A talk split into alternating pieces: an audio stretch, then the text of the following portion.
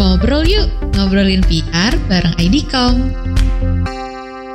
Halo ID Commerce, selamat datang di uh, episode pertama ngobrolin PR. Apa kabar sih Cil? Akhirnya kita punya episode pertama. Uh, iya. Setelah setelah kita pilot apps ya nih Mbak Ade, akhirnya pilot kita apps Iya. ID Commerce kita menyapa kembali di episode pertama dari ngobrolin PR. Eh ngomong-ngomong tuh aku sebenarnya udah kangen loh sama ID Commerce loh Cicil. Sampai aku tuh tadi tadi pagi nih sebelum uh, syuting ini aku sempat searching-searching juga soal pantun-pantun gitu. Mau denger nggak pantun aku nih biar kita pemanasan aja? Aduh, ini beneran nih pantunnya ada uh, di awal-awal, nggak mau di akhir aja nanti pantunnya. Enggak, nanti ya nanti habis itu yang di akhir itu nanti giliran ke pembicaranya kita yang kita undang hari ini. Bicara ya hari ini ya. Of course, makanya tongkrongin terus ya. Iya betul. Okay. Nah, aku aku giliran aku ya sekarang ya. Giliran boleh, aku dulu boleh, gitu boleh. pemanasan. Jadi uh, pantunnya kayak gini. Ada burung gagak, ada kura-kura dan penyu. Kamu tahu nggak? Kita tuh udah kangen banget loh sama kamu ID Commerce. Oh, wow. Kayaknya hasil browsing dari subuh nih ya. E emang, emang. Mohon maaf, saya kurang kreatif nih. Tapi anyway, kalau soal uh, kreatif-kreatif ini memang uh, eh, PR sendiri kan sangat dibutuhkan ya, Cil ya. Uh, apalagi dalam masa pandemi saat ini ya. Gitu. Benar-benar. Tingkat nah, kalau kreativitas kita benar-benar dituntut banget ya kalau pandemi gini. Hmm. Nah, ngomong-ngomong nih ya kan gara-gara tadi kita ngomong, iya ya PR tuh di masa pandemi pasti berubah ya dari kalau dulu uh, yang kita sebelum pandemik sama sekarang pas pandemik atau mungkin nanti gitu ya setelah kita ngelewatin pandemik pasti uh, beda gak sih Mbak Ade maksudnya strategi pendekatan PR-nya, cara kita komunikasinya pasti beda-beda kan ya. Yang kayak sekarang aja kita udah berasa bedanya. Nah, Pas banget kalau tadi kita bilang ada narasumber, jadi kira-kira siapa narasumber kita hari ini? Narasumber kita hari ini adalah tidak lain dan tidak bukan Ibu Negara dari IDCOM, yaitu wow. Ibu Sari Sugondo. Uhuh. Coba Ibu Sari Sugondo, Ibu Sari Sugondo coba uh, suaranya menyapa dulu. menyapa kita semua dong. Ibu Sari menjadi bintang tamu podcast pertama kita. Kalian pada tahu nggak tuh lagunya berpacu dalam melodi. Gila ya usianya kebaca banget gak sih gue? Itu adalah fanfare opening kalau ada bintang tamu. Tenet tenet tenet oh ya udah berarti nanti lain kurang fanfare nih Ade sama Sisil nih sorry sorry. kita usia ada drum ya. roll nih drum roll. Ada editornya mbak. Tenang aja. Nanti oh, kita siap. editornya itu ada ada bunyi uh, clappingnya gitu. Prok prok prok prok prok gitu. Mas editor uh, uh. ya nanti ya. Uh, uh, gue sekarang pakai clapping virtual dulu deh nih. Prok prok prok. Ayo dibantu prok prok prok. Dibantu dibantu oke okay. selamat pagi ID Commerce eh pagi siang sore nih nanti kalau podcast ini tayanginnya selamat selamat apalah ya salam jumpa ya ID Commerce iya. semuanya ya apa pun lah ya bisa ID Commerce bisa dengerin mungkin pas mandi pagi atau mungkin iya, makan ya. siang Jam atau sebelum tidur ya kan. Yes. Eh, tapi Mbak Sari ini selain dia ibu negaranya IDCOM, ternyata Mbak Sari adalah juga wakil ketua Asosiasi Perusahaan PR Indonesia atau APRIK. Betul ya Mbak Sari ya? Betul. Ini Yuhu. Ibu negara Pondok Aren kali ya. Ya Allah, jangan gitu dong malu. ya, bertambah satu deh kewajiban jadi wakil ketua umum Asosiasi Perusahaan PR Indonesia sampai tahun 2023. Doakan wow. ya Cin, ikut tahan ya, doakan. Ini udah pegalinu loh. Membangga membanggakan sekali Alias ini. tidurnya sedikit, Dek. Tidur sedikit. ya udah, ya Karena misalnya Mbak karena Mbak Sari ini udah memang heboh malam melintang di dunia per PR-an gitu ya. Mungkin per webinaran juga ya Mbak Ade ya. Sering ya. Nah, berarti pas banget nih kalau kita nanya-nanya soal PR trend in pandemic gimana? Siap nggak wow. nih Mbak Sari? Mbak Sari kayaknya udah nyiapin uh, apa Kok namanya? kita santai aja tapi ya mbak yang ngobrolnya gitu. Nggak usah terlalu berat gitu. Jadi biar uh, nanti pada para ID commerce yang dengerin kita juga uh, merasa apa mm -hmm. namanya santai. Ah pokoknya dapat insight-insightnya yang penting-penting lah dari mbak Sari gitu. Iya. Oke okay deh terhibur tapi disuruh mikir gitu ya. Mikir tapi terhibur. Apa sih? Iya, stay tune ya ID Commerce. Oke. Okay. Oke, okay, ID Commerce. Nah, jadi menyambung dari segmen pertama kita tadi, uh, sebenarnya kita itu dari PR itu sebenarnya udah lama ya betul ya Mbak Sari ya kalau nggak salah kan dari uh, apa namanya dari dari kemunculan PR itu sendiri gitu kan dan datang ke Indonesia itu sebenarnya udah lama ya. Nah dinamikanya tuh sebenarnya gimana sih Mbak Sari? Kita mau belajar aja nih mau nginget-nginget dulu tuh pas masih kuliah ya Cil ya. Benar-benar. Apalagi mungkin beda kali ya Mbak Sari kalau yang dulu sebelum pandemi sama sekarang pas pandemi pasti beda gak sih Mbak dinamikanya? Iya, ih berani-berani nanyain dinamika. Itu tuh nantangin banget loh dinamika luar biasa. Karena ya kalau menurut uh, apa pengalaman selama ini ya pandemi kan baru satu setengah tahun terakhir ya hampir ya mungkin hampir dua tahun terakhir ini. Sebenarnya sih Sisil dan Ade ID Commerce Walah, dinamika sebelum dan sesudah pandemi atau selama pandemi, kalau menurut pengalaman berdasarkan perjalanannya IDCOM selama ini, wah gak ada bedanya dinamis terus kalau kata saya. Malah lebih menggila pada saat pandemi. Jadi kan tadi Ade juga sempat uh, menyinggung kalau ilmu PR itu kan uh, sebenarnya juga cukup lama sudah eksis di Indonesia, praktiknya udah dikembangkan cukup lama. Tapi kalau dibandingkan sama ilmu periklanan, sejujurnya ilmu PR kan lebih mudah, lebih baru ya. Perkembangannya atau pemanfaatannya lebih luas barangkali eh, tiga empat dekade terakhir gitu ya yang benar-benar sangat intens. Uh, iklan mungkin sudah berkembang lebih dulu. Tapi pemanfaatannya kesadaran orang make PR sekarang ini luar biasa sih teman-teman. Ini uh, high demand. Jadi aku boleh bilang bahwa sebelum pandemi dan selama pandemi kesibukannya tiada putus. Kita adalah profesi yang uh, terus menerus relevan, terus menerus laku. Bahkan di dalam salah satu slide presentasinya IDCOM tuh aku sering bawain tuh kalau teman-teman pernah dengar atau ID Commerce ada yang pernah ngikutin webinarku tuh ada tulisan bahwa public relations adalah salah satu profesi paling dinamis di muka bumi. Gawat nggak? Karena parah banget dinamikanya. Makanya kenapa ya nggak heran ya kita semuanya pada teler nih kalau udah ngikutin satu kampanye ngikutin satu kasus atau sedang melayani klien. Itu memang dinamikanya luar biasa. Jadi uh, justru di pandemi ini alhamdulillah puji Tuhan profesi kita ini bukan profesi yang sempat menganggur teman-teman. Bener loh. Itu bener loh. Jadi memang justru malah pack malah full dan apa namanya sangat sangat produktif Hmm, nah, Mbak, ini aku bertanya nih, Mbak. Jadi kalau misalkan PR sendiri kan kita kan biasa nanganin krisis sih ya. Ya kayak Cicil juga kan, Cicil kan kayaknya baru-baru ini juga nanganin krisis kan ya. Mukanya udah krisis belum nih? Ada krisis, ada krisis ya. kehidupannya juga nih. Nah, iya. Tapi sebenarnya pada saat kayak gini tuh betul nggak sih kita sendiri sebagai PR ini kita sedang dilanda sama krisis juga gitu, Mbak, gara-gara masa pandemi kayak gini nih. Gitu. Jadi selain kita nanganin krisis, kitanya juga kena krisis nih gitu. Betul sebenarnya kan kita sendiri jadi berubah ya cara praktiknya uh, ada adaptasi banyak sekali ada adaptasi yang dilakukan. Ya teman-teman tahu sendirilah shifting dari dari konvensional ke digital. Nggak usah pandemi aja sebenarnya seluruh orang di dunia kan berbondong-bondong ke arah digital bener nggak teman-teman? Kan sebenarnya kita udah jalan ke sana nih ya terapan-terapan udah makin uh, integrated semua dibantu teknologi alat ukur semakin jelas dan lain sebagainya.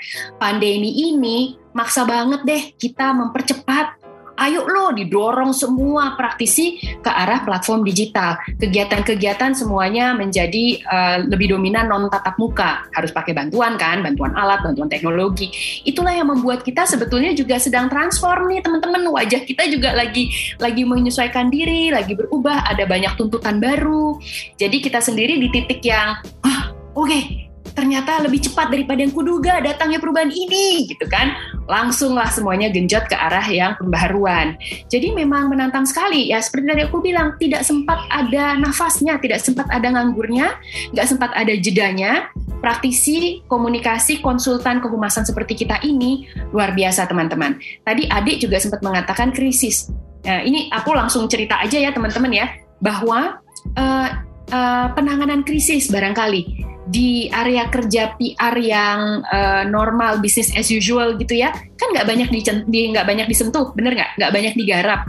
Tiba-tiba di masa pandemi ini banyak banget yang terkena krisis. Banyak banget yang minta tolong. Kasarnya gini lo punya pengalaman atau nggak punya pengalaman nggak apa-apa bantuin dong gitu. Itu banyak banget. Dan bukan cuma IDCOM yang merasakan. Teman-teman lain ya di sekitar uh, pelaku industri lain teman-teman yang punya perusahaan PR lain atau yang uh, anggota-anggota yang kebetulan bergabung di APRI juga mengatakan demikian karena kebutuhannya luar biasa. Jadi krisis manajemen krisis yang tadinya kayaknya uh, misterius, oh gue belum pernah tuh nanganin dari A sampai Z. Sekarang semuanya harus dipaksa uh, bisa gitu ya mampu untuk menyelamatkan organisasi atau membawa uh, apa keluar dari situasi krisis gitu. Nah, tapi kalau dengerin tadi ya Mbak Sari kan ngomong berarti banyak ya sebenarnya peluang-peluang yang tercipta justru di masa pandemi ini ya buat maksudnya buat ya pekerjaan PR itu sendiri. Berarti iya. service-service barunya juga berkembang dong ya Mbak Sari ya? Banyak oh, banget. PR. Iya, yang dominan Sisil tadi jelas. Kalau yang menggunakan platform digital berarti masalah kreativitas, kemasan, angle, approach yang relevan atau yang make sense uh, secara digital dilakukan itu kan jadi tergali nih sekarang tereksplorasi. Kita jadi bener-bener mikirin apa ya digital gimana ya gimana dulu? Dulu mungkin nggak sengotot nggak nggak sengoyo ini sekarang itu terjadi. Yang kedua Sisil dan Ade dan ID Commerce kerasa nggak kalau teman-teman humas sekarang kerja lebih erat dengan teman-teman HRD, teman-teman SDM. Oh. Itu terjadi, itu terjadi di berbagai uh, organisasi, konteks, industri, sektor. Kenapa teman-teman itu tadi ya banyak internal com yang harus dikuatin. Ada teman-teman kita yang kurang beruntung sehingga terjadi pemotongan gaji di masa krisis pandemi, harus lay off, harus dirumahkan, perusahaannya tutup. Itu juga bagian dari tanggung jawab humas untuk memastikan ekosistem internalnya aman, damai, berjalan dengan baik. Makanya sekarang jadi lebih lekat kerja sama teman-teman HRD. Nggak usah pemecatan deh, stres aja. Ya Allah, WFH stres banget ya. Kayaknya terkungkung betul, banget betul. ya. Uh, jam kerja menjadi gila. Itu keluhan semua orang loh. Akhirnya teman-teman PR yang ngurusin komunikasi internal juga kerja dengan HRD. Gimana nih caranya supaya uh, karyawan lebih sejahtera dan sebagainya. Itu tuh ada terapan baru. Terus hmm. tadi krisis ya aku udah bilang ya bahwa ternyata tuntutan krisis jadi banyak nih lu bisa nggak bisa pokoknya tolong bantuin gitu kan. Terus gini teman-teman, PR tuh di masa pandemi ini sebenarnya juga punya kesempatan yang besar banget untuk ngebantu manajemen top level ya bisnis ownernya apa pun sektornya ya untuk bisa berselancar di tengah-tengah keadaan yang serba nggak pasti gini kan ada tuh perusahaan yang tiba-tiba diversifikasi usaha. Bener nggak teman-teman? Kalau nggak salah Marta Tilar tiba-tiba jadi bikin uh, apa cairan disinfektan, yeah. mereka produksi hmm, itu. Benar, itu kan diversifikasi usaha atau pivot ya, pivot usaha gitu yang sama sekali tadinya bukan itu. Atau pivot dari format tadinya jualan offline jadi online. Itu aja udah beda banget kan. PR harus turut membantu dong gitu. Terus kemudian uh, apa? Ada yang sama sekali benar-benar transform aja udah bener-bener yang tadinya misalnya jualan retail uh, restoran gitu ya buka buka restoran karena pandemi tutup jadi jualan frozen food misalnya itu aja kan juga transformasi bisnis yang PR harus bantuin bayangkan itu celah-celah opportunity yang dulunya nggak segitu hebohnya sekarang gila banget sih terus ada lagi satu lagi bahwa sebenarnya humas itu berperan penting, punya kesempatan besar untuk ngawal si perusahaan untuk keluar dari pandemi lebih cepat. Jadi kan setiap orang nih, setiap organisasi, setiap institusi, setiap orang kan pengen ya jadi pemenang nih, teman-teman jadi pemenang keluar pandemi sukses, alhamdulillah sel selamat, perusahaannya tetap berdiri, brandnya tetap hidup dan uh, tetap laku. Nah PR nih ngawal ini nih supaya si perusahaan, organisasi atau institusi ini ceritanya jadi yang paling best practice nih, yang paling jadi inspirasi buat semuanya yang bisa keluar jadi pemenang gitu kasarnya. Gitu sih. Terus mm -mm. Terus belum lagi teman-teman uh, akhirnya gara-gara pandemi, pandemi ini emang ngajak ngajarin kita banyak banget hal ya. Uh, setelah pandemi ini kami kita kita nih praktisi melihat uh, perusahaan, organisasi atau institusi gitu ya, sekarang jadi jauh lebih peka loh terhadap keadaan sekitar, terhadap uh, situasi sosial, lebih lekat kepada lingkungan dengan komunitas karena diajarin sama pandemi ini, ibaratnya kayak ketonjok banget bener. deh. CSR-nya jadi banyak ya mbak ya jadinya. Benar, ya. benar. Ada yang udah megap-megap mau mati, akhirnya selamat terus jadi beda attitude-nya gitu sil. Hmm. jadi lebih lebih nauin diri gitu loh. Lebih lebih kayak lebih peka terhadap sustainability terhadap sosial kanan kiri banyak yang merosot ke garis kemiskinan dan lain sebagainya. Jadi lebih uh, lebih kuat uh, corporate governance-nya ya mungkin. Mm -hmm. nah, oke okay, Mbak mungkin ada mau pertanyaan kali ini Iya iya, aku dulu. udah penasaran sih iya, iya sebenarnya sih. Dulu deh. nah, jadi kalau misalkan itu kan dari strategi komunikasinya gitu ya Mbak. Maksudnya kita banyak shifting segala macam. Nah, tapi ada nggak sih mbak misalkan kan yang tadi kan ada beberapa perusahaan yang misalkan udah hampir mati gitu terus habis itu mereka bangkit lagi gitu kan mengubah gitu shifting ke yang bisnis bisnis yang lain nah kita tuh sebagai PR tuh gimana sih mbak maksudnya bantuin mereka apa kita gaspol aja terus gitu kan atau tarik ulurnya tuh sebenarnya kayak gimana sama masyarakat sekarang gitu enaknya gitu kalau menurut mbak Sari Nah gini ya jadi uh, ini juga perubahan nih, perubahan peran PR yang mungkin tadinya dianggap cuman oke okay, external relations doang, oke okay, cuman media heavy di media relations dan sebagainya.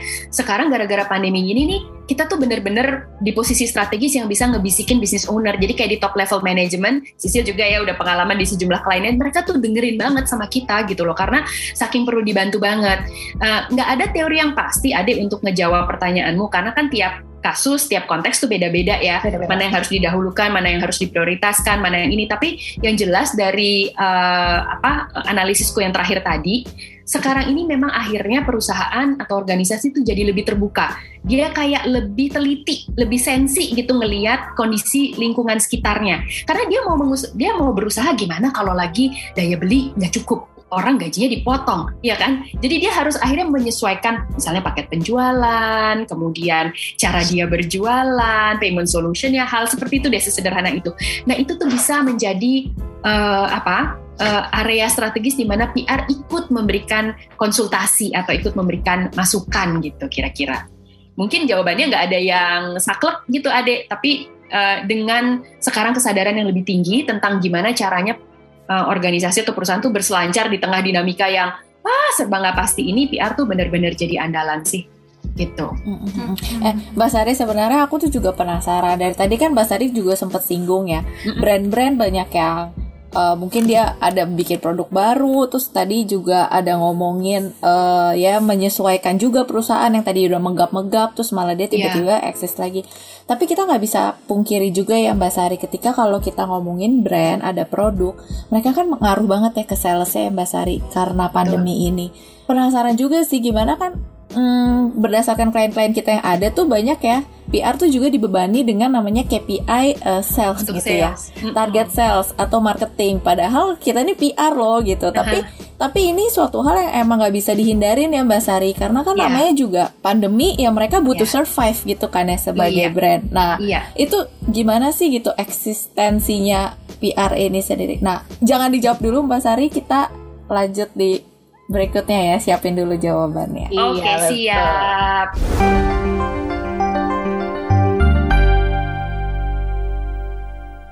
Iya Mbak Sari. Jadi tadi nih kan kita sempat ngobrolin yang tak soal brand itu ya Mbak Sari ya kayak brand uh, banyak nih request dari klien dia ke PR gitu ya ke kita. Cuman uh, eh, KPI-nya tuh disandingkan dengan uh, target sales atau mungkin marketing gitu. Nah, itu gimana sih Mbak Sari PR yang uh, maksudnya kondisi ini gitu ketika ada eksistensi PR yang disandingkan juga dengan sales dan marketing. Mm-hmm. Coba Mbak Sari, mungkin ID commerce di sini juga mungkin penasaran kali ya di balik yeah. itu tuh sebenarnya PR tuh berkontribusi apa juga gitu dan sebatas mana sebenarnya pengukurannya juga seperti apa?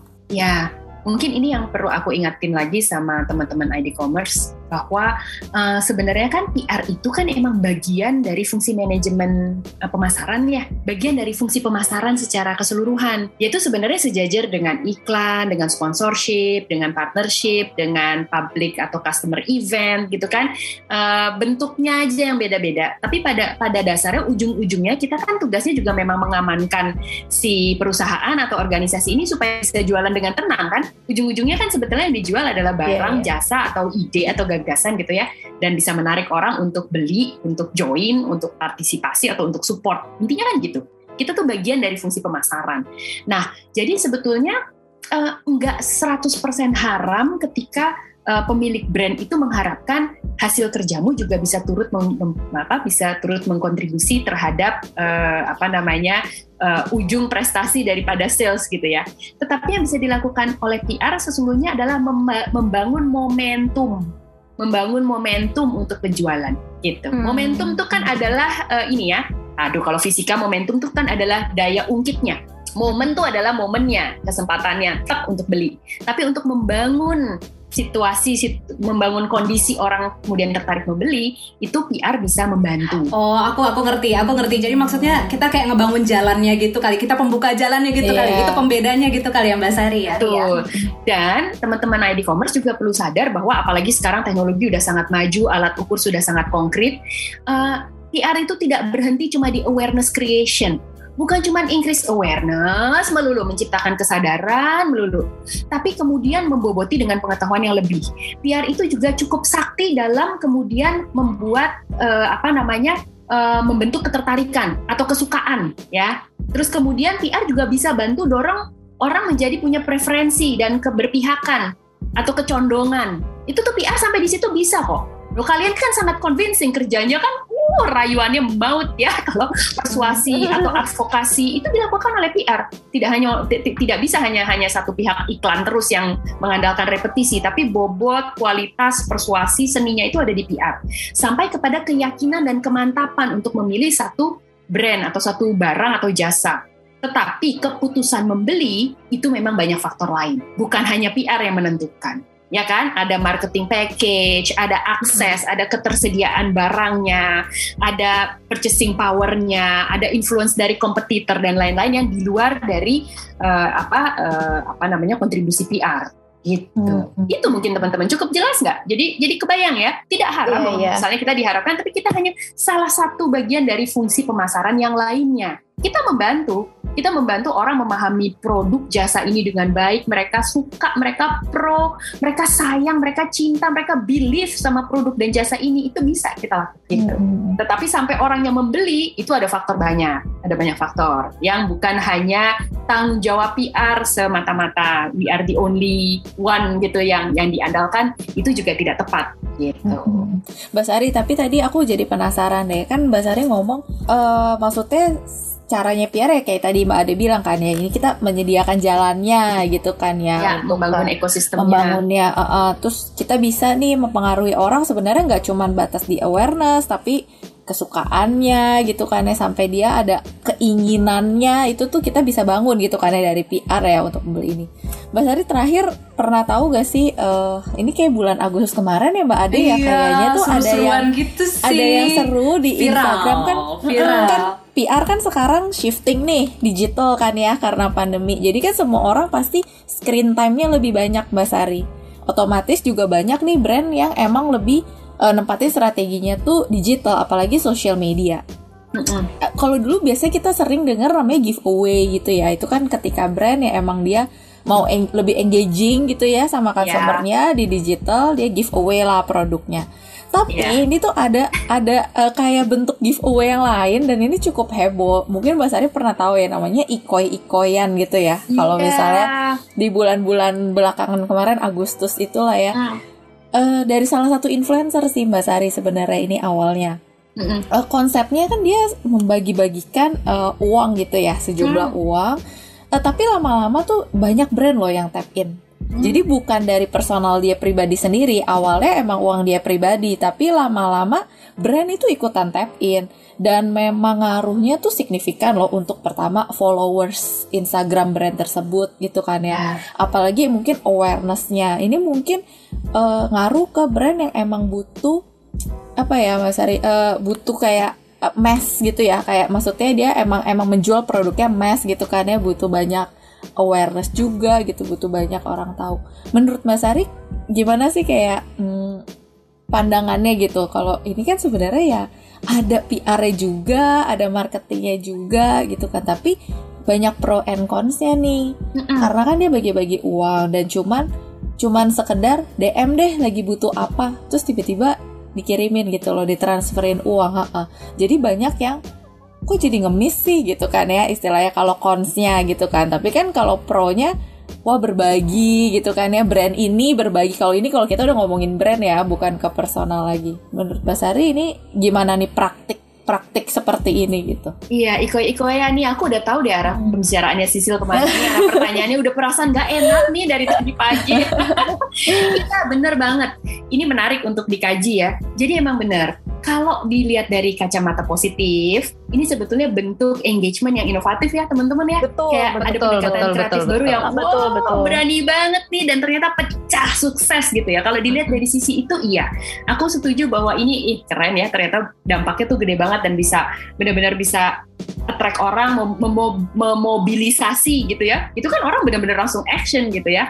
Uh, ini mungkin sebenarnya hmm, gelombang tren lain seperti kalau dulu kita ngusahain banget user generated content, kita dulu ngusahain banget ingat nggak ada contoh di mana uh, misalnya kita lempar satu cerita terus terusin sendiri deh apa kelanjutannya gitu kan. Terus netizen semua pada ngikut bikin cerita sendiri tanpa ada yang menyuruh tanpa ada yang mengorkestrasi mereka melakukan sendiri. Ini kan sebenarnya jenis yang yang serupa tapi tidak sama ya. Intinya adalah ingin punya engagement yang lebih keren aja lebih seru lebih direct. Mm-hmm. itu kalau dilihat dari kacamata uh, benar kreativitas inovasi baru.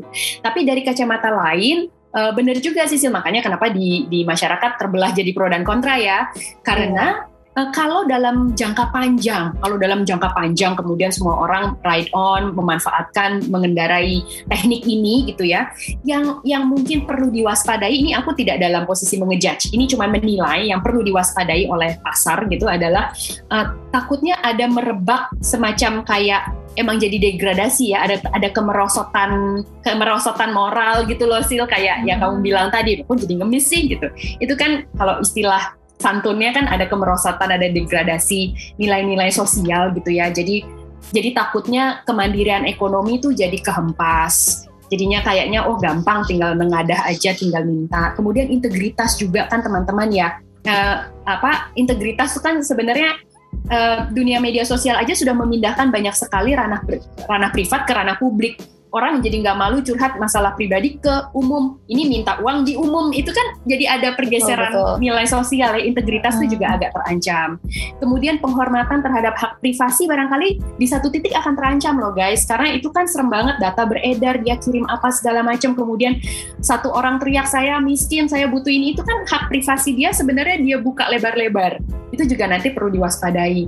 Terus kepekaan sosial takutnya juga jadi menurun karena semuanya jadi gampang, jadi easy gitu ya. Jadi uh, takutnya secara jangka panjang kalau ini misalnya dilestarikan pada akhirnya akan menumbuhkan sikap mental yang kurang produktif. Jadi ada ketergantungan terhadap bantuan atau misalnya pemujaan berlebihan terhadap si uh, siapa pemberi ini ya, ya influencer uh, uh. ini. Jadi dia dianggap seperti pembuat solusi dari segala-galanya kayak mesin ATM ya. Terus kemudian uh, jangan-jangan apa yang dia lakukan atau sponsor yang titip kepada dia, kita nggak tahu. Saya juga bukan bukan dalam dalam kapasitas yang paham banget, tapi uh, akuntabilitasnya barangkali suatu kali nanti dipertanyakan, ya kan? Hmm. Karena itu kan mengalihkan dana ke publik, itu sumbernya dari mana dan sebagainya itu juga juga nantinya takutnya one day bisa menjadi masalah belum lagi nanti kalau ada kecemburuan sosial dan lain-lain merasa tidak adil. Jadi kalau stunt ini diikuti terus uh, takutnya akan ada gelombang baru yang menciptakan uh, apa menciptakan individu-individu yang pengharapannya itu semua akhirnya bersumber dari medsos ini gitu. Dan itu okay. kurang sehat juga ya teman-teman. Dan cenderung untuk punya solusi instan. Orang jadi males usaha lagi. Ya udah gua ke medsos aja minta nanti juga dikirim uangnya atau barangnya. Hmm. nah itu yang yang perlu diwaspadai. Makanya kenapa uh, kami di IDCOM kita di IDCOM itu uh, dalam melakukan pekerjaan digital kalau teman-teman masih ingat ada semboyan kita. IDCOM itu responsible digital communications. Benar-benar dipikirin hey. iya untuk mencegah implikasi negatif dari apa pun interaksi apa pun in inisiatif yang kita gulirkan di yeah, ranah yeah, digital. Makanya itu itu prinsip yang kita pegang banget di IDCOM. Berarti kalau dari kacamata PR sebenarnya Mbak Sari strategi kayak gini ya kalau untuk brand ya kurang tepat untuk jangka panjang ya lebih bagus sisil kalau misalnya dialihkan. Jadi prinsipnya benar bahwa dia menjadi saluran berkat bagi orang hmm. lain, dia menjadi saluran pembagi. Tapi alangkah lebih baiknya apabila diinstitusionalisasikan secara lebih resmi. Misalnya gini, jadi jelas dia misalnya dia menghimpun dana publik atau dia menerima sumbangan, tapi terus dia kemudian salurkan lagi ke satu institusi ya, lagi ya. yang sudah terorganize dibandingkan okay. dia lempar jumroh ke orang nggak mampu A, B, C tapi random gitu ya. Dan kemudian nanti akhirnya tidak tidak terkontrol gitu secara jangka panjang. Ada cara lain lah ya Mbak Sari untuk ya. lebih engage sama customer tuh masih banyak cara yang lain gitu kan ya. Betul. Ya. Ada banyak stunt, kita bilangnya PR stunt. Ada banyak okay, stunt PR. yang bisa dilakukan. Hmm. Ya, nggak cuman itu. Artinya gini, uh, dipikirkan aja pro dan kontranya, dipikirkan aja dampaknya positif maupun negatifnya sebelum dia melakukan itu. Semua strategi kan butuh balancing itu sih pada dasarnya teman-teman. Iya iya emang pas pandemi gini jadi banyak yang aneh-aneh sih ya Mbak Ade ya di di dunia iya, medsos medsos iya, ini. Tapi sebenarnya nggak cuma di di apa namanya di brand aja sih ya Cil ya. Kita oh, kan iya. kalau misalkan kita lihat juga uh, balik lagi ya Mbak uh, Mbak Sari kita ke ranah publik gitu ya. Nah ini kan ada berbagai macam inilah ya kebijakan yang baru kayak tadinya iya. apa namanya sebelum ppkm itu namanya Cil uh, PSBB. PSBB, PSBB kemudian jadi iya, PPKM, PPKM, terus kemudian banyak banget ya singkatannya ya nih. Dan kemudian ppkm itu jadi harus diperpanjang per minggu per minggu per minggu gitu kan. Nah kalau misalkan dari Mbak Sari sendiri nih ngelihatnya gimana sih kalau soal uh, ppkm ini itu kacamatanya dari Mbak Sari? Betul teknik komunikasinya itu seperti apa? Maksudnya iya. apa yang mau mereka sasar sih? Kenapa harus diperpanjang seminggu seminggu sementara yang tadinya iya, PSBB itu nyicil ya. Iya, PSBB tuh oh, ya udah belas aja gitu. Terus Gimana sekarang tuh? ada level-levelannya juga iya, kan ya. Iya, iya, iya. Ada Mbak Sari. Oh, Betul. Iya. Kalau khusus PPKM tuh kayaknya ya teman-teman uh, pemerintah nih kayaknya memang sudah mencoba berbagai cara nih persuasi dan penjelasan edukasi ke publik. Kalau kalau kalau saya pribadi melihat uh, bahwa uh, ini adalah salah satu trik pemerintah untuk memelihara kesehatan psikologinya warga sih ya. Jadi hmm. pertama gini, uh, pesan mengenai COVID-19 dan pandemi ini kan luar biasa udah banjir banyak dan itu perang lawan disinformasi. Disinformasi kan bisa jadi hoax, bisa jadi misinformasi, memang ada informasi data yang salah tapi kemudian terlanjur beredar, tapi hoax ada yang benar-benar palsu. Jadi itu aja mereka udah berperang dengan itu lelahnya bukan main dan jangka panjang kan. Lalu sudah ada gelombang PSBB masuk ke PPKM lebih ketat lagi nih. Sementara dunia industri, dunia usaha, sektor ekonomi udah teriak, aduh kalau kita tambah lagi dikencengin kita mati dong, kita miskin dong, kita bisa krisis benar-benar jatuh ke ke garis kemiskinan dong. Gimana nih? Makanya kalau uh, saya pribadi melihat sebenarnya teknik di di di apa namanya pesannya di imit-imit satu minggu satu minggu itu sebenarnya nyatanya adalah untuk tetap uh, memberi harapan, memberi titik terang setiap minggunya gitu ya supaya tidak langsung uh, orang merasa dipenjara kembali dalam waktu panjang. Karena kan ppkm diberlakukan bersamaan sudah vaksinasi sudah lebih uh, besar kan coveragenya kan. Mm-hmm. uh, tes juga sudah semakin banyak. Jadi dengan circumstances itu pemerintah kemudian berani untuk yuk kita coba lihat per minggu. Minggu depan kita umumkan lagi ya. Tapi setiap minggu akhirnya orang jadi punya harapan. Paling tidak ada titik-titik kecil nggak lari maraton jauh gitu loh hmm, itu akan yes, secara moral akan lebih membuat uh, apa society kita kecewa, sedih, berputus asa. Dan gini, pesan yang panjang dan bercabang itu kan membingungkan teman-teman. Sudah bingung banget dengan berbagai uh, message pandemi. Jadi menurut saya PPKM kemarin itu betul-betul diimit supaya akhirnya dikunyahnya lebih gampang. Dikunyah dulu deh yang minggu ini kita kasih lihat statistiknya minggu ini gimana, minggu depan dikabarin lagi. Oh masih hmm. belum, tapi statistiknya udah menurun seminggu lagi ya gitu ya, iming-imingnya. Hmm. Baru kemudian pada akhirnya kan sekarang levelnya menurun. Memang hmm. yang kurang dari kebijakan kemarin menurut saya pribadi adalah penjelasan definisi dari beda-beda level sampai sekarang kita yeah, masih yeah. bingung kan? Ya yeah, ya, benar. Dua tiga ah, empat. iya. nah itu masih menjadi tantangan. Itulah itulah karena memang message yang mau disampaikan banyak sekali. Hmm. jadi pemerintah memang perlu mencicil lalu kemudian perlu mencicil ya bukan mensisil kemudian juga juga apa namanya perlu menyederhanakan. Bayangkan Indonesia ini luas sekali teman-teman. Kita beruntung tinggal di kota besar atau di ibu kota tapi yang di ujung kan belum nyampe udah ganti yeah. lagi pesannya gitu kan. Nah itu, mm, itu butuh waktu teman-teman. Makanya mm, makanya itu memang memang uh, anulah ya yeah. extra effort besar. Sedikit Mbak Sari aku mau bertanya juga kan sebenarnya kalau perpanjangan ppkm ini kalau kita lihat tadi ya katanya Mbak Sari ini sebenarnya kayak tanda kutip nih apa namanya niat baiknya pemerintah gitu ya. Niat mm. baiknya. Pemerintah supaya kita tuh bisa uh, adjust gitu ya bisa ma, ma apa namanya ya bisa beradaptasi gitu. Cuman kemarin ya Cilia sempat ada kabar juga kan bahwa pemerintah tuh yang orang-orang baru mau isu-isu boosting boosting ketiga gitu kan uh, suntik suntik vaksin boosting uh, ketiga gitu harusnya kan didahulukan kan nakes gitu. Tapi kenapa ini pejabat pejabat pejabat pemerintah malah ketahuan bahwa si A B C ini mereka tuh sudah pada suntik semua gitu kan. Nah ini gimana? Tadinya kayak kita ekspektasi sama pemerintah wah oke okay lah ppkm ini. Tapi begitu melihat yang seperti itu turun lagi. Nah kalau menurut mbak Sari itu gimana? Fenomenanya kayak gitu. Iya iya iya. Jadi adik kalau tadi merujuk kepada apa namanya ada banyak tokoh masyarakat gitu ya ada banyak pejabat publik yang tidak mencontohkan harusnya vaksin itu diberikan kepada nakes duluan tapi mereka sudah menerima uh, apa terlebih dahulu gitu ya. Ini sebetulnya kan nggak ada bedanya dengan compliance atau disiplin atau teladan yang mereka berikan dalam eh, konteks-konteks uh, lainnya seperti misalnya pada saat dulu kita dihimbau tidak melakukan kegiatan publik ya kan tidak boleh berkumpul tidak boleh mm -hmm. melakukan kegiatan sosial itu masih ada aja tokoh masyarakat yang apa, menyelenggarakan wedding, munduh mantu lah, kemudian Betul. bikin apa kumpul-kumpul di rumah, rapat Heboh secara itu. terbuka iya, banyak, iya. banyak orang. Nah itu kan sebetulnya juga sama nggak beda dengan dengan apa yang terjadi sekarang atau beberapa contoh ya, tidak semua barangkali. Nah memang PR itu kan sejatinya juga begitu ya teman-teman. Apa yang apa yang di uh, apa yang di diadvokasikan, apa yang dianjurkan, apa yang dikomunikasikan itu harus sesuai dong dengan perilakunya gitu ya, sesuai dengan eh, nilai-nilai uh, yang dia emban, yang dia tunjukkan karena itu akan berpengaruh. Apalagi dia seorang tokoh, dia seorang teladan. Jadi jadi memang walk the talk itu sangat penting. PR kan walk the talk, bukan bukan membohongi, bukan hanya menyorotkan citra keluar, tapi bukan sebetulnya, sebetulnya bukan itu yang dia lakukan. Nah itu itu itu salah, itu salah besar. Jadi jadi uh, publik pun kemudian bisa uh, menurun kepercayaannya. Eh tapi uh, btw nih mbak, tadi ngomong-ngomongin vaksin, aku tuh jadi ingat sebenarnya emang benar ya komunikasi itu emang harus uh, disesuaikan banget nih dengan target uh, komunikasinya karena kemarin ini aku dengar cerita soal soal vaksin. Mm-hmm. Jadi nih ada ibu-ibu gitu ya di sebuah RT lah ibarat sebuah kampung. Mereka tuh nggak mau vaksin. Ini yang pasti kemarin-kemarin kita uh, pada pada booster, eh, maksudnya suruh vaksin gitu kan ya pemerintah gencar banget nih komunikasi vaksin. Nggak mau vaksin.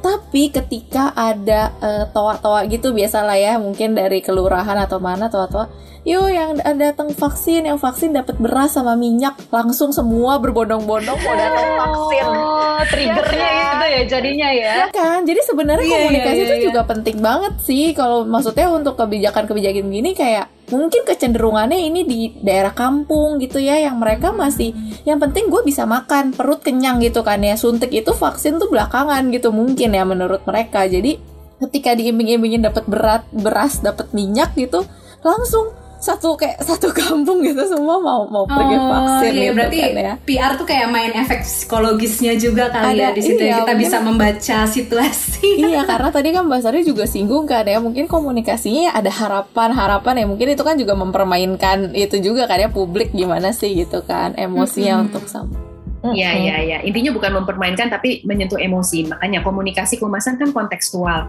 Pada satu lingkungan komunitas tertentu, apa yang paling mereka butuhkan, hot buttonnya apa, apa yang paling mereka uh, harapkan gitu, yang paling bisa menggerakkan mereka, itu yang digunakan. Komunitas lain barangkali Sisil, mereka uh, apa terkungkung oleh mitos ketidakpahaman terhadap uh, dunia kesehatan. Mereka takut vaksin yeah, membuat iya. cacat, yeah. membuat sakit, membuat meninggal. Itu yang perlu kita balik konsep tersebut. Mm-hmm. Miskonsepsi itu perlu dipatahkan. Komunitas lain barangkali bicara soal halal haramnya vaksin. Sehingga angle yang perlu kita uh, apa namanya dahulukan adalah angle itu. Miskonsepsi itu yang perlu kita perbaiki, ya yeah, kan? Yeah, yeah. Mungkin komunitas lain punya concern yang lain gitu.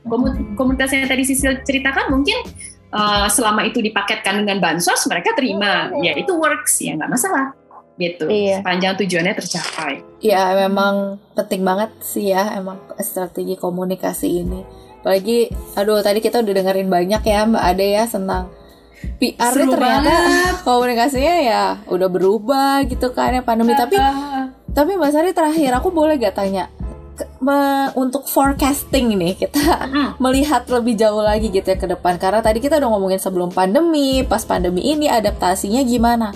Pasca pandemi Mbak Sari. Kalau ketika kita udah selesai nih pandeminya misalnya udah bukan pandemi tapi mungkin endemi gitu ya kayak flu biasa lah hmm. gitu. Orang udah uh, beraktivitas seperti biasa tapi mungkin biasanya dalam tanda kutip ya. Karena biasanya kan ya udah selesai pasca pandemi di mana yeah. kita udah melewati adaptasi itu tadi shifting digital terus komunikasinya berubah. Nah gimana Mbak Sari untuk industri PR sendiri ke depannya? Ha -ha, kayak gimana Ya, sebagai profesi yang tadi aku klaim uh, cukup tangguh dan survive di sepanjang zaman, kagak ada nganggurnya sedikit-sedikit pun juga, gitu ya. Hmm. Kayaknya teman-teman praktisi PR ke depannya, uh, meskipun pandemi, insya Allah, amin, sudah akan melandai, gitu ya. Kita akan menjadi manusia-manusia yang terbiasa fleksibel bekerja dari mana pun, dalam situasi apa pun. Kita tuh orang-orang yang modenya plug and play Oh. Pokoknya lo bisa nyolok di mana, udah lo langsung kerja bisa gitu. Karena kan yeah. sebetulnya yang di yang diadu adalah uh, pengetahuannya, networknya, strateginya gitu ya. Nggak masalah lokus kerjanya mau di mana gitu ya. Terus karena kita sekarang sudah surviving pandemi sekian tahun, kita akhirnya juga terbiasa kolaborasi meski jarak jauh. Jadi kolaboratif jarak jauh itu teman-teman PR akan semakin piawai kalau menurut uh, apa terawangan umum gitu ya menurut perilaku industri. Uh, kita jadi lebih jago untuk uh, tetap deliver secara berkualitas meskipun supervisinya minimum, meskipun nggak pernah ketemu sama lawan kerjanya tatap muka, meskipun nggak pernah jabat tangan langsung dengan sang klien, tapi pekerjaan jalan terus, gitu yeah. kan?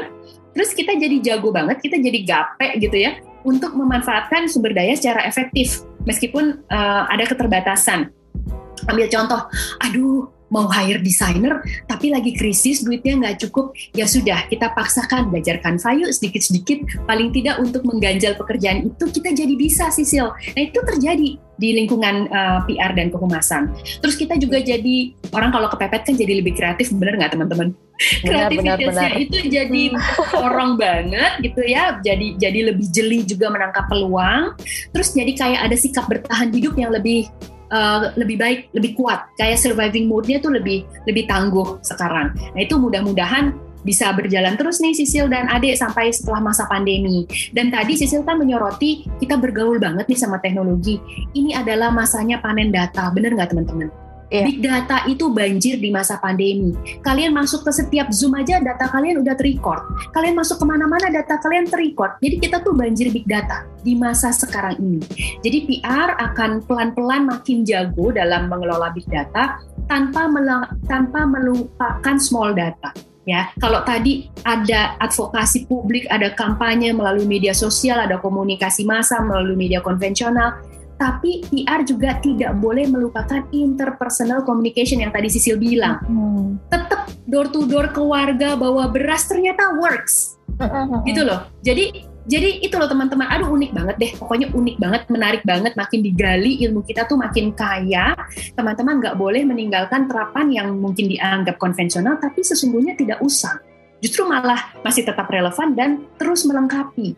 Interpersonal communications juga adalah seni yang teman-teman perlu kuasai. Nggak semuanya melalui medium, nggak semuanya sifatnya massa, ya kan Sisil? Yang yeah, yeah, yeah. dan itu. Nah, nah inilah kita belajar banyak dari pandemi. Nah, mudah-mudahan semuanya berjalan lebih lestari ya setelah sekalipun pandemi ini, amin, hilang gitu sama sekali. Iya. Yeah. Ya benar sih mbak. Mm, jadi soalnya kan kita kan masyarakat kita kan dinamis ya berubah-ubah terus gitu kan. Jadi ya kita karena kita ilmu sosial juga bagian dari ilmu sosial kali ya, iya. ya PR ya mbak. Jadi ya udah ngikutin perkembangannya Ikutin seperti perkembangannya itu. ya. Iya. Nggak eh, pernah bosen deh. Nggak pernah ketinggalan deh. Eh tapi berarti nanti setelah pandemi juga jadi kita ini ya klien banyak yang minta zoom aja lah udah kan bisa zoom meeting gitu. Jadi untuk hal-hal yang produktif efektif iya. ya masih bisa diinikan kenapa tidak dipertahankan Iya, ya, memang ya. praktis dan efisien ya, gitu. Bukan berarti iya. hilang, gitu. Tetapi juga tidak boleh melupakan sentuhan-sentuhan uh, apa konvensional yang Langsung. sebenarnya juga masih works, gitu. Iya. Aduh, seru banget pembicaraan hari ini. Keren sih, Mbak, Mbak Sari nih bisa kalau kita tanyain apa aja tuh ada jawabannya iya, gitu ya. iya, ya, kayak mungkin, kayak buka kulkas terus habis itu ada berbagai macam menu gitu di dalam situ next gitu ya. Mungkin nextnya kita buka konsultasi apa nih ya Mbak Sari ya, nggak cuma ngomongin PR contekan, aku sudah menyiapkan contekan.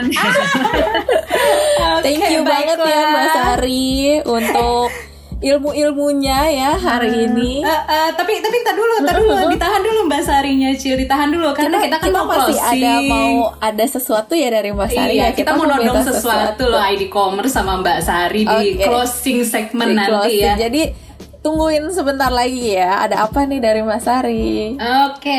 Okay. Iya, nggak berasa ya Mbak Ade nih, Mbak Sari. Kita udah setengah jaman. Setengah jam lebih? Jaman ya. Eh, tapi lebih enak kok ngobrolnya, nggak apa-apa Nggak bosen kan? Iya, nggak bosen. Apalagi ngikutin case-case terbaru ya. Lu bisa sambil iya. ini ya, gosip-gosip dikit, gosip-gosip halus. tapi uh, boleh dong nih untuk terakhir dari Mbak Sari mungkin ada kata-kata penutup pesan-pesan penutup wujangan wujangan mungkin ya.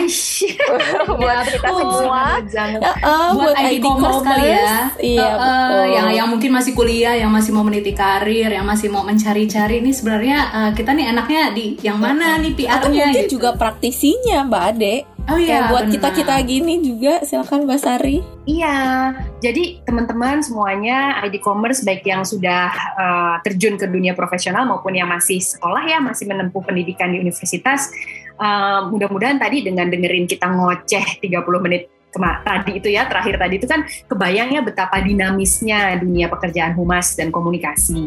Jadi mungkin ini emang saatnya teman-teman nyiapin diri lebih baik lagi. Uh, bayangin alat kerjanya humas dan komunikasi itu tambah banyak. Teknologi nggak bisa dibendung kemajuannya teman-teman perlu terus menyesuaikan diri, terus lengkapin diri deh dengan keterampilan yang uh, apa namanya membantu gitu ya. Jadi melebihi uh, apa bisa membuat atau bisa menambah nilai tambah buat teman-teman gitu, membuat teman-teman lebih berdaya. Kayak misalnya Hmm, Oke, okay, teman-teman lulusan Fakultas Ilmu Komunikasi, misalnya ambil contoh yang standar. Tapi boleh loh melengkapi diri dengan misalnya Mbak, aku dong bisa bahasa lain selain bahasa Inggris. Wah, itu ngebantu banget. Jadi kamu bisa punya tiga bahasa misalnya. Terus misalnya Mbak, aku bisa loh video editing Uh, meskipun dengan dengan apa namanya aku bisa video editing dengan alat-alat sederhana yang aku miliki sendiri misalnya. Atau aku bisa misalnya sedikit-sedikit programming bisa coding dikit-dikit untuk membantu uh, apa membangun platform. Hal-hal kayak gitu itu tuh akan menambah plus point sih teman-teman. Dan ingat bahwa kerja kita ke depannya tuh makin lebar bukan makin sempit. Kita tuh akan kerja lintas disiplin jadi kita akan lebih banyak bergaul dengan teman-teman kreatif, dengan teman-teman yang kuat di produksi teknis, kita akan kerja juga mungkin sama teman-teman yang doyan sama riset, yang semuanya emang relevan dengan pekerjaan komunikasi dan kehumasan. Jadinya makanya jangan pernah apa ya berhenti belajar, jangan pernah berhenti meningkatkan kapasitas diri. Mumpung lagi pandemi ini juga banyak banget yang menimba ilmu, banyak banget yang ikut kursus ini itu, belajar ini itu, webinar ini itu, karena kayak sekaligus pembekalan. Begitu nanti kita punya kesempatan untuk uh, apa namanya bangkit kembali sepenuhnya kembali lagi normal, maka teman-teman udah lebih siap gitu.